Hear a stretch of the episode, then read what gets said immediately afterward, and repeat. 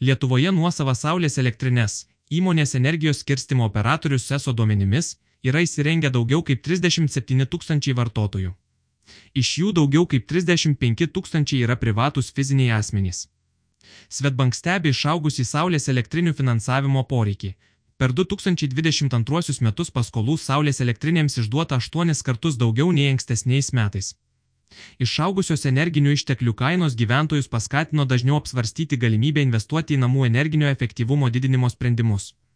Atsižvelgus į dabartinės elektros kainas, saulės elektrinė gali atsipirkti per ketverius septynerius metus, sumažinti emisijas, padidinti asmeninių finansų atsparumą energijos kainų šokams, sako Svetbank. Vartojimo paskolų ir automobilių finansavimo departamento direktorius Tomas Pulikas. Kiek gali padėti sutaupyti? Pasak Vilniuje Saulės elektrinių modulius gaminančios ir montuojančios įmonės Solitek produktų vystimo vadovo Viliaus Aleknavičiaus, norint suskaičiuoti galimybę sutaupyti, pirmiausia, reikėtų nustatyti elektros suvartojimo per metus poreikį. Dažniausiai vienam didesniam namų ūkiui pakanka 10 tūkstančių kWh. Už tokį elektros kiekį, taikant 0,28 eurai KWH tarifą visuomeninio tiekimo kaina 2023 metai pradžioje. Per metus bus išleidžiama 2,8 tūkstančiai eurų. Norint per metus tokį energijos kiekį pasigaminti nuo savoje ar nutolusioje saulės elektrinėje, bus reikalinga 10 kW galios elektrinė. Nuo savos įsigijimas ir įsirengimas ant namo stogo atsieis apie 1100-1300 eurų. Nutolusios į saulės parko įsigijimo kaina siekia 1500-1800 eurų. Tiek įsigijus nutolusią saulės elektrinę, tiek įsirengus nuosavą, ESO siūlo galimybę atsiskaityti trimis būdais - už atgautą energijos kiekį. Užleistina generuoti elektrinės gali arba kilovatvalandėmis nuo sugeneruoto kiekio. Informacijos apie ESO siūlomus gaminančių vartotojų atsiskaitimo planus 2023 metais rasite čia. Į skaičiavimus įtraukus 10 kW elektrinės įsirengimo išlaidas bei atsiskaitimų sugeneruotą elektrą metinę kainą ir įvertinus tai, kad garantinis nuo savos Solitek Elektrinės laikotarpis yra 30 metų. Gamyba nuo savoje elektrinėje per metus atsieis nuo 703 iki 1026 eurų priklausomai nuo elektrinės įrengimo kainos ir atsiskaitimo būdo. Tai 2,74 kartus mažiau nei perkant iš tiekėjo. Kaip atkreipė dėmesį Vėja Leknavičius, kuomet įsigijama nutolusi saulės elektrinė, jai taikomas metinis aptarnavimo ir pagamintos energijos pasaugojimo mokesčiai. Įsigijus tokios pat galios nuotolinę bei įtraukus visus mokesčius ir įvertinus tai, kad garantinis nuotolinės elektrinės laikotarpis siekia 30 metų. Per metus gamyba nutolusioje elektrinėje kainuos nuo 1136 iki 1493 eurų. Tai apie du kartus pigiau nei perkant iš tiekėjo. Galima pasinaudoti valstybės parama, tačiau saulės elektrinės įsirengimą galima atpiginti. Lietuvos Respublikos aplinkos ministerijos aplinkos projektų valdymo agentūros apva periodiškai skelbia kvietimus teikti paraiškas kompensacijai už įsirengtą saulės elektrinę gauti.